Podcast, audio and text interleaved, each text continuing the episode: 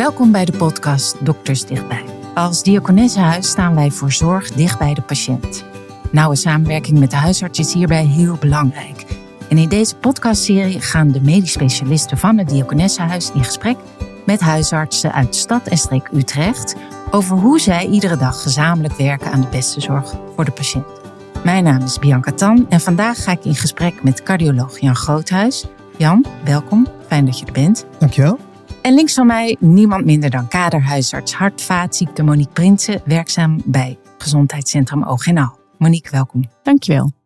Een goede zorg staat of valt bij goede afspraken. En jullie hebben alles samengewerkt over transmurale afspraken. Dat klopt. Ja. Jan en ik hebben samengewerkt aan de transmurale afspraak, eh, het gebruik van de DOAX. En daarvoor werkten we ook al samen, onder andere het maken van de regionaal transmurale afspraak op het gebied van de alle CVRM-ziektebeelden. Zeker. Ja, en, en hoe staat het daar nu mee met die afspraken? Die afspraken zijn gemaakt en uh, die zijn ook gedeeld onder alle specialisten en de huisartsen. En we hopen natuurlijk dat iedereen zich daaraan houdt en dat het voldoende kenbaar is gemaakt en duidelijk is voor iedereen. Als, als dat niet werkt, of waar, waar, waar, waar zit het hem dan in? Nou, het is, vooral, uh, de, de leidraad is bedoeld om uh, duidelijk te maken waar de verantwoordelijkheid ligt voor het voorschrijven van de antistonische middelen, hè, die potentieel gevaarlijk zijn. En ook voor het uh, begeleiden van de follow-up en het doen van de controles die horen bij het voorschrijven van deze antistonicsmiddelen. Mm -hmm. Ja, en ik denk dat het vooral heel belangrijk is, hè, wie verantwoordelijk is, die schrijft ook het recept. En dat denk ik dat dat nog niet zo duidelijk was. En daar dat we denk ik duidelijker vastgelegd dat dat uh, nou ja, hopelijk met de tijd voor iedereen ook uh, nou ja, steeds beter gaat werken. En de patiënt weet waar hij met zijn vragen terecht kan. En voor die samenwerking tussen huisartsen en, en tweede lijn ziekenhuizen is het heel erg belangrijk om dit soort werkafspraken te hebben. We zien dat dat zeker op het cardiovasculair gebied best uitdagend is. enerzijds uh, zijn er uh, meerdere disciplines bij betrokken. Voor antistollingsmiddelen zijn dat onder andere dus de cardiologen, maar ook neurologen, vaatchirurgen, internisten. Um, en anderzijds heb je natuurlijk een hele grote brede groep van huisartsen ja, heeft het ook te maken met de financiële uh, regelgeving. Uh, en iedereen uh, heeft daar zijn eigen financiële afspraken met zorgverzekeraars. En die moeten ja, wel goed gedeeld worden met de mensen op de werkvloer natuurlijk. Ja, en ik denk dat dat inderdaad het ingewikkeld maakt. Hè, dat er veel mensen bij betrokken zijn die allemaal geïnformeerd moeten worden. En als we dan een, eenmaal een, iets moois op papier hebben om het dan ook echt te implementeren, daar is het denk ik nog steeds het knelpunt. En um, nou, daar hopen we in de toekomst wel dat dat beter gaat. Um, hè, want de oudere RTA's die we gemaakt hebben, dat waren op zich hele mooie documenten. Maar achteraf zijn ze toch lastig voor de dagelijkse praktijk. Dus hoe we dat in hè, daar gaan we nu aan werken, hoe we dat beter gaan doen. Hè, dat het hanteerbaarder wordt, maar ook zichtbaar is. En nou ja, daarnaast, wat Jan noemt, is de financiële ondersteuning daarbij ook heel erg belangrijk. Jij schetste, Jan, uh, je, je hebt een uh, flinkvolle spreekuur. En dat mm-hmm. het aantal patiënten met uh, hartklachten, dat groeit alleen maar. Ja, dat klopt. Hè? Zeker als je kijkt. Dus de situatie is zorgwekkend, zeg je eigenlijk. Nou, we, we zien dat met name de hele grote groepen binnen de cardiologie, hè, de hartfalenpatiënten en ook patiënten met boezemfibrilleren, die gaan enorm toenemen. Uh, en aan de andere zijde uh, zien we dat die patiënten ook nog eens complexer worden, hè, met, met veel verschillende ziektebeelden. Uh, en daarnaast zien we dat uh, het hoofdlijnenakkoord er ligt en niet mogen groeien qua budget. Uh, dus er moeten meer mensen behandeld worden, terwijl daar niet een meer budget voor, voor is. Ja, dus dan moet, moet jij meer terugbrengen naar Monique. Meer nou, zorg. ik denk dat we veel beter moeten samenwerken. Hè? Dus, dus ik denk niet dat de oplossing is om alles maar uh, bij de huisarts uh, te beleggen. Maar we moeten wel slimmer en beter samenwerken. Zodat uh, misschien de contactmomenten in het ziekenhuis korter zijn. maar de patiënt ook nog beter begeleid kan worden in de eerste lijn. zodat de patiënt ook minder snel tweede lijn zorg nodig zal hebben. Kun je nog heel even voor mij schetsen? Um, ja, er zijn enorm veel patiënten die op de afdeling cardiologie. En je zegt het, het aantal gaat alleen maar groeien. Waardoor komt dat? Meer mensen krijgen hartklachten door vergrijzing? Uiteraard de vergrijzing. Hè? De prognose van iemand met een cardiovasculair event is ook beter. Dus, dus mensen blijven langer leven en hebben dan dus ook meer cardiovasculaire ziektelast. En hebben daardoor meer zorg nodig. Ja, ik denk dat het uh, de meerwaarde is vooral dus dat we de juiste patiënt op de juiste plek behandelen. Dat is natuurlijk een heel veel gehoorde term op dit moment. Ja, juiste zorg op de juiste plek. Ja, en ik denk dat hè, wat vooral in het ziekenhuis moet, zijn de patiënten die complex zijn uh, of behandelingen die wij niet kunnen doen. Terwijl bijvoorbeeld het cardiovasculair risicomanagement, wat denk ik deze hele populatie waar Jan het over heeft, ook krijgt, heel goed bij de huisarts zou kunnen. En misschien zelfs wel beter, omdat wij ten eerste natuurlijk dicht bij de patiënt zitten, letterlijk. We zitten in de wijk. Maar we kennen ook heel goed het netwerk van de patiënt en wat er haalbaar is. En we hebben vaak hele korte lijntjes. Dus het heeft denk ik heel veel voordelen om die zorg bij ons uh, te beleggen. Uiteraard met de juiste randvoorwaarden. En dan de complexere dingen in de tweede lijn te houden. En, en daar zit denk ik een hele mooie verbeterslag. Waar nog waar uiteraard al jaren aan gewerkt wordt. Maar nog steeds veel winst te halen valt. Ja, daarbij is het juist ook belangrijk om als er een event is, hè, uh, als eerste presentatie van iemand, dat dan ook eigenlijk die, dat cardiovasculair risicomanagement zo snel mogelijk bij de huisarts wordt belegd. Daarnaast is het wel zo dat die CWRM-richtlijn ook wel ingewikkelder is geworden hè, de laatste jaren. Waarbij dat steeds meer uh, patiëntgericht is hè, en, en uh, minder in één uh, protocolletje te vangen is. En dat maakt het zeker ook in de eerste lijn, denk ik, wel veel uitdagender. Maar kan ja, uitdagend, maar leuk. Ja. ja. Ja. ik denk dat inderdaad, het is geen uh, hele simpele richtlijn meer. Ik denk dat iedereen daar wel tegenaan loopt. En dan heb je het over jouw collega huisartsen. Ja, maar ook de praktijkverpleegkundigen, mm -hmm. denk ik. Um, en de kunst is inderdaad um, om die richtlijn als leidraad te gebruiken, maar daar wel gefundeerd van af te kunnen wijken. Maar goed, ja, ja dat, dat klopt wat je zegt. Het is ingewikkeld, maar ik denk wel dat we dat uh, zouden kunnen bieden. Ja, en wij, wij kunnen daar natuurlijk vanuit de tweede lijn misschien ook wel meer ondersteuning voor, voor geven. Hè? En uh, door nog beter samen te werken. Ja, en het helpt al als je bijvoorbeeld in een brief heel duidelijk vermeldt uh, wat je verwacht van de huisarts. Hè? Bijvoorbeeld ook een advies van als de bloeddruk niet op het streefniveau is, voeg dit medicijn toe. Daarmee heb je een enorme verbeterslag al. Het scheelt ook weer in contact met de tweede lijn. Um, dus ja, ik denk dat daar um, nog wel uh, nou, winst te halen valt, maar dat dat ook wel steeds beter gaat. Ik vind echt dat het een enorme ontwikkeling is in de samenwerking. Dat uh, teleconsult is een van de oplossingen om die, die, dat contact te verbeteren tussen de eerste lijn en de tweede lijn.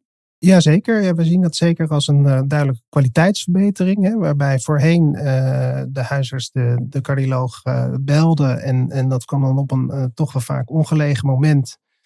Terwijl de, de cardioloog ergens op een gang stond bijvoorbeeld. en en ja, moest dan een antwoord geven. wordt dat nu digitaal een vraag gestuurd met alle gegevens van de patiënt erbij ja, ik vind het ook echt een enorme meerwaarde om dat te kunnen inzetten. Zowel voor nieuwe patiënten, bijvoorbeeld van is het nuttig om deze patiënt te verwijzen of wat kan ik zelf doen. Daarmee voorkom je denk ik ook extra belasting van de tweede lijn voor patiënten die eigenlijk best nog bij de huisarts behandeld zouden kunnen worden. Kom jij nog collega's tegen die niet van het bestaan weten van een teleconsult? Ja, ik denk dat wel steeds meer mensen het weten, maar dat waar je het allemaal voor kan gebruiken, dat dat nog niet altijd bekend is. En uh, hè, dat het dus zowel gebruikt kan worden voor uh, nou ja, nieuwe verwijzingen of nieuwe vraagstukken van onbekende patiënten, maar ook patiënten die al bekend zijn in de tweede lijn, waar je gewoon een vraag hebt over medicatieaanpassing of nou, noem maar op. Hè, maar in ieder geval even met de behandelaar in het ziekenhuis we overleggen over niet spoedeisende zaken. En dus uh, eventueel ook een vraag van is er verwijzing zinvol? En die laatste denk ik dat die nog te weinig ingezet wordt. Als je dan hebt op druk op de gezondheidszorgkostenbesparing, dan denk ik dat daar misschien nou ja, nog heel veel ruimte zit. Je had het ook over het Fast Track CT-programma. Leg uit wat dat is. Ja, dat klopt. Het uh, is een ontzettend leuk nieuwe, nieuwe manier om mensen heel snel en efficiënt uh, te evalueren. Het gaat om mensen met een laag risico uh, voorafkans pijn op de borst. Waarbij voorheen die mensen vaak toch verschillende onderzoeken kregen achter elkaar op verschillende contactmomenten. Uh, waarbij ook een, vaak nog een fietstest wordt gedaan, die inmiddels ook uit de richtlijn is verdwenen. Uh, zien wij die mensen nu eigenlijk als eerste contactmoment na de verwijzing via zorgdomein op onze uh, afdeling. Dan wordt er direct een echo en een CT-coronair angiografie gedaan. En wordt, patiënt, wordt met de patiënt de, de uitslagen besproken en eventueel verder beleid ingesteld. Bij de patiënt ook heel snel ook weer terug wordt verwezen naar de huisarts als, als er geen afwijkingen zijn. Ja, en wie bepaalt dan dat laag risico? Dus als ik iets heb, hoe weet ik dan dat ik voor dat fast track in aanmerking kom? Ja, dat gaat op basis van, eh, van patiëntenkarakteristieken natuurlijk. Hè. Dus, dus het gaat niet om de patiënt die al een voorgeschiedenis heeft van coronair lijden. Het gaat ook niet om de hele oude patiënt, maar daar hebben we eh, richtlijnen voor. En eh, wij triëren ook altijd alle uh, zorgdomeinverwijzingen als cardioloog. En hebben daar dus ook nog een triagefunctie in, waarbij we dat kunnen, die logistiek kunnen oppakken. Betekent dat Jan dat als ik een patiënt zou aanmelden voor fast track en jij denkt nou die is niet geschikt, dat jij die dan een ander traject aan? Ja, dat klopt. En Ja. vice versa kan het ook? Kan ook zijn, hè? dus als je als huisarts pijn op de borst eh, traject doet, eh, waarbij je misschien verwacht van de, die patiënt krijgt een eh, fietstest nog. Nou, dat doen we eigenlijk eh, nauwelijks nog. eh, dat is echt uit de richtlijn verdwenen. En dan eh, ja, katten wij dat eigenlijk om naar zo'n CT fast track traject. CVRM is een complex verhaal. Jazeker, hè. We, zoals ik eh, al zei, is, is die, die richtlijn complexer geworden, waarbij je ook meer naar de patiënt kijkt en, en minder eh, voor iedereen het standaard protocol eh, afgaat. Ehm, dat maakt de zorg inderdaad complexer voor de huisarts. En wij willen daar vanuit de tweede lijn natuurlijk graag nog beter bij ondersteunen. Ehm, een voorbeeld daarvan is voor onze hartfalenpatiënten dat we nu een pilot doen waarbij een van onze verpleegkundige specialisten van de hartfalenpolie eh spreekuur doet bij de huisarts eh, in, de, in de praktijk. eh, en dan ook veel contact heeft met de praktijkondersteuner. En zo eigenlijk die eh, expertise eh, van de praktijkondersteuner in de, in de eerste lijn eh, vergroot. Monique, had jij, dit kende jij al, dit fenomeen? Nee, dit ken ik niet. Dus ik vind het ook heel erg leuk om dit te horen. En ik denk ook dat het heel goed werkt. Hè? Want eh, ten eerste wordt het eh, beeld dat een verpleegkundig specialist en misschien ook de cardioloog heeft van hoe een huisartspraktijk werkt, Ja. wordt beter. En dat helpt ook voor samenwerking, is mijn ervaring. Want wij doen het ook op een ander vlak wel. eh, dat een specialist in onze praktijk spreker doet. Ehm, maar ik denk ook dat het eh, zeker het kennisniveau dus heel erg omhoog gaat. Omdat je elke keer weer leert van zo'n spreekuur. Zeker als je het samen doet. Het heeft meerdere aspecten denk ik die heel waardevol zijn. Ik vind het heel erg leuk om te horen. Ehm, ik weet niet in hoeveel praktijk jullie dat al doen. Nou, we doen het nu in één praktijk. Hè? Dus het, het, dat is ook wel een beetje mijn, eh, mijn ervaring met dit soort eh, dingen opzetten. Dat je toch vaak voorzichtig heel klein moet beginnen. En dat eerst tot een succes maken. En, en dat daarna verder kan uitbouwen. Ja, want het blijft ook wel logistiek natuurlijk een uitdaging om dit soort dingen op te zetten. Ja. Maar het is zeker een manier, denk ik, om de huisarts te ondersteunen bij de steeds complexere zorg die wij krijgen. Dus ik denk dat het heel mooi is als het kan. Ja, het zijn allemaal manieren, denk ik, om de kwaliteit van de zorg in de eerste lijn te verbeteren. En daardoor ook de mogelijkheden om patiënten terug te verwijzen groter te maken.